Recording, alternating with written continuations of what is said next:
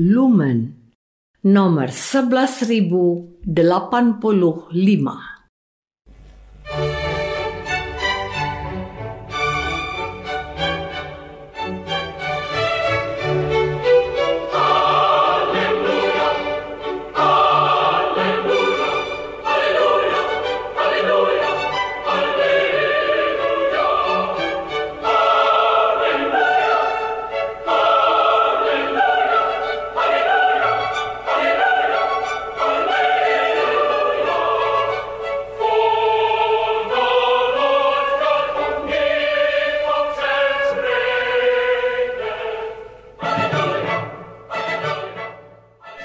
Saudara pendengar di segenap penjuru tanah air, selamat bergabung dengan Lumen Indonesia. Lumen Indonesia siap melayani Anda setiap hari. Saudara terkasih, marilah kita bersatu dalam Tuhan kita Yesus Kristus yang tidak berubah dahulu, sekarang, dan selama-lamanya. Allah Sang Maha Rahim mengasihi dan menerima sebagaimana adanya kita Allah Bapa kita di surga senantiasa bersedia menolong, menghibur, dan meneguhkan kita dalam menghadapi segala permasalahan hidup sehari-hari.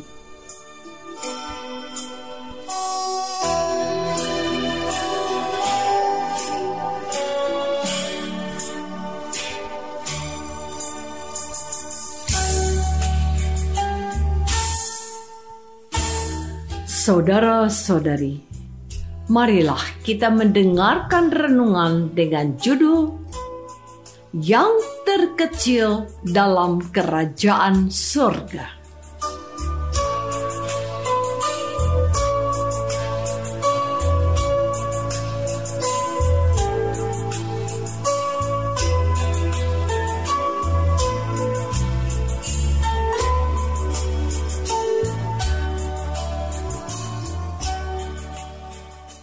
Yang berdasarkan pada Injil Matius bab 11 ayat 11. Yesus bersabda, Sesungguhnya di antara mereka yang dilahirkan oleh perempuan tidak pernah tampil seorang yang lebih besar daripada Yohanes Pembaptis. Namun yang terkecil dalam kerajaan surga lebih besar daripadanya.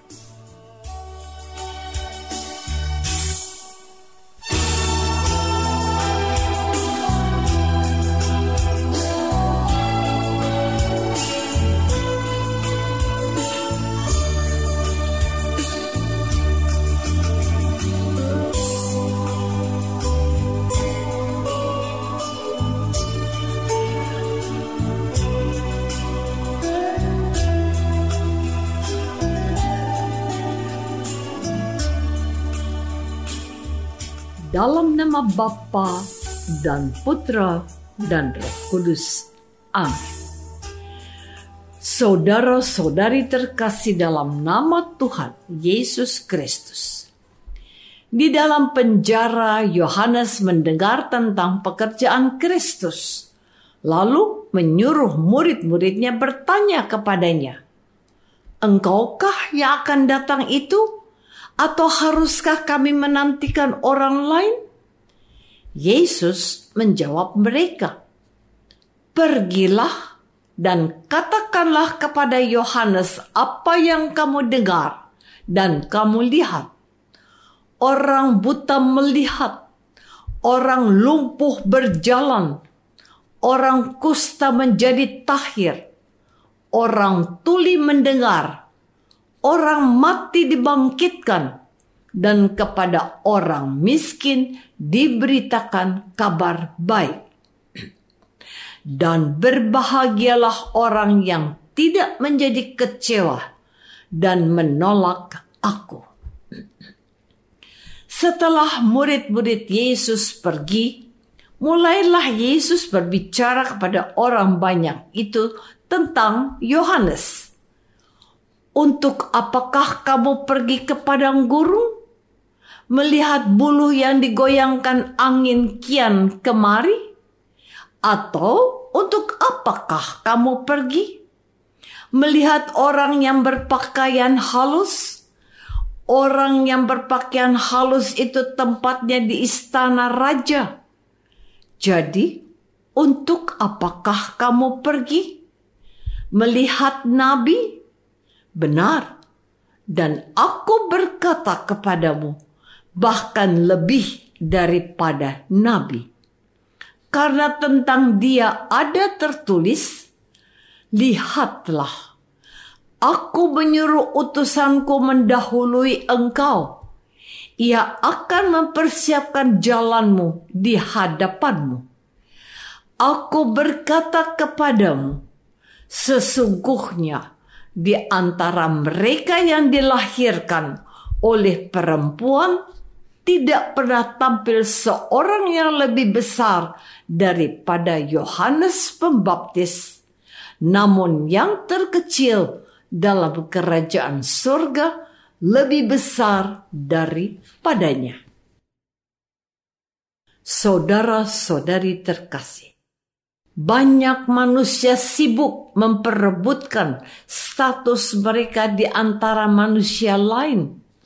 Entah dalam hidup sehari-hari, seperti lebih kaya, lebih sukses, lebih beruntung, lebih terkenal, lebih berkuasa, ataupun dalam sebuah persaingan yang formal, misalnya mendapatkan medali emas, predikat cum laude, menjadi kepala kantor, mendapat pangkat jenderal, Begitulah tuntutan hidup manusia, yaitu agar dalam hidup di dunia dapat melebihi manusia. Karena dengan demikian ia akan dapat mengatur orang lain dan mendapatkan lebih dari orang lain, baik harta benda maupun penghormatan. Dia akan mendapat tempat duduk paling depan dan dikawal secara khusus. Bukankah semua itu dikejar-kejar manusia selama hidupnya? Itulah yang disebut sukses di mata dunia. Saudara-saudari terkasih, hidup di dunia juga dijabarkan dalam pepatah yang mengatakan bahwa di atas langit masih ada langit, atau di atas puncak gunung masih ada puncak gunung yang lebih tinggi lagi. Kesombongan kita atas status atau jumlah harta benda yang kita kumpulkan bersifat relatif karena di belahan dunia lain atau pada zaman yang kemudian akan datang orang lain yang melebihi diri kita.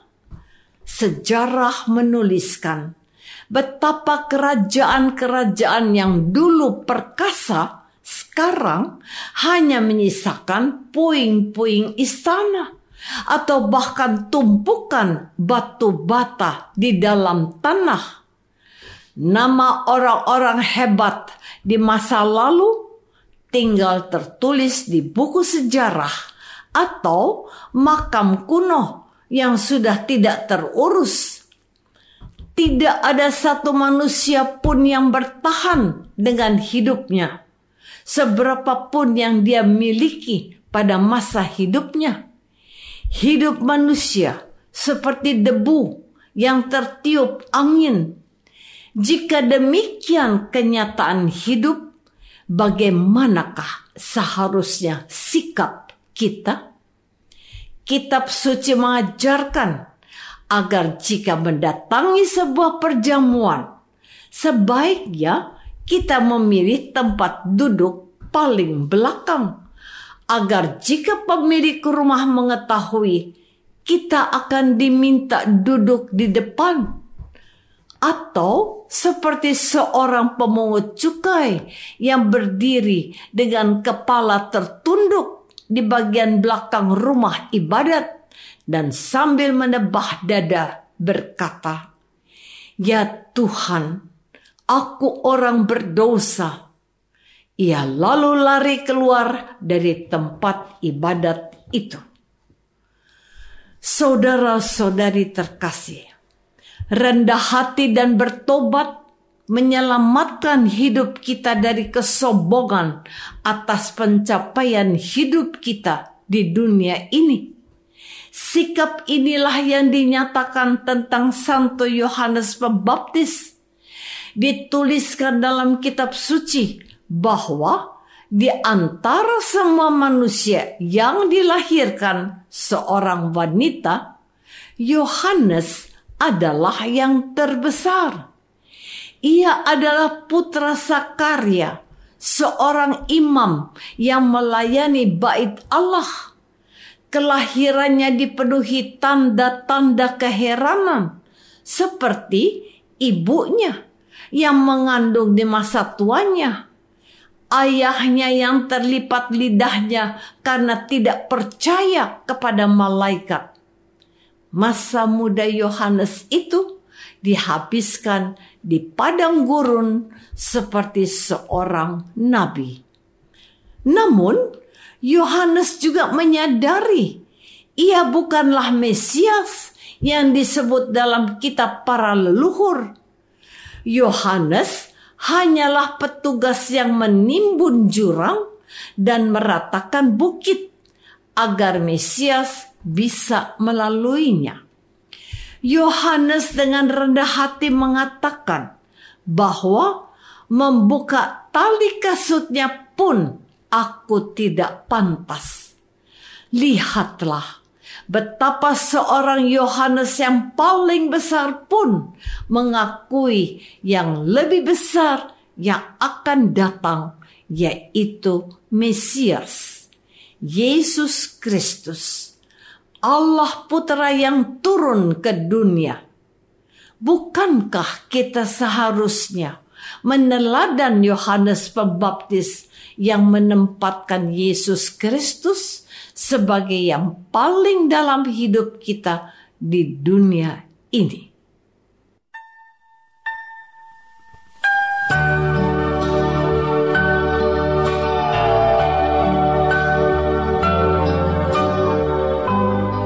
Saudara terkasih, marilah kita masuk dalam saat hening sejenak untuk meresapkan renungan yang baru saja kita dengar bersama dalam kehidupan iman kita masing-masing.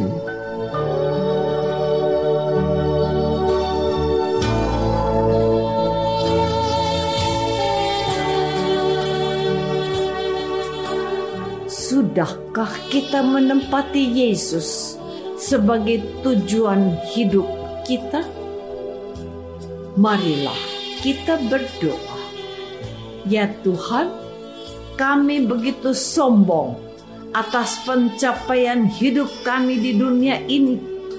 Harta benda, pangkat jabatan, popularitas menjadikan kami lupa bahwa Yesus Kristus lebih dari semua yang kami genggam, yang pada waktunya akan sirna dan sia-sia. Ajarlah kami untuk rendah hati dan bertobat agar selamatlah hidup kami kini dan sepanjang masa. Amin. Semoga kita semua selalu dinaungi dan dibimbing oleh berkat Allah yang Maha Kuasa, Bapa dan Putra dan Roh Kudus. Amin.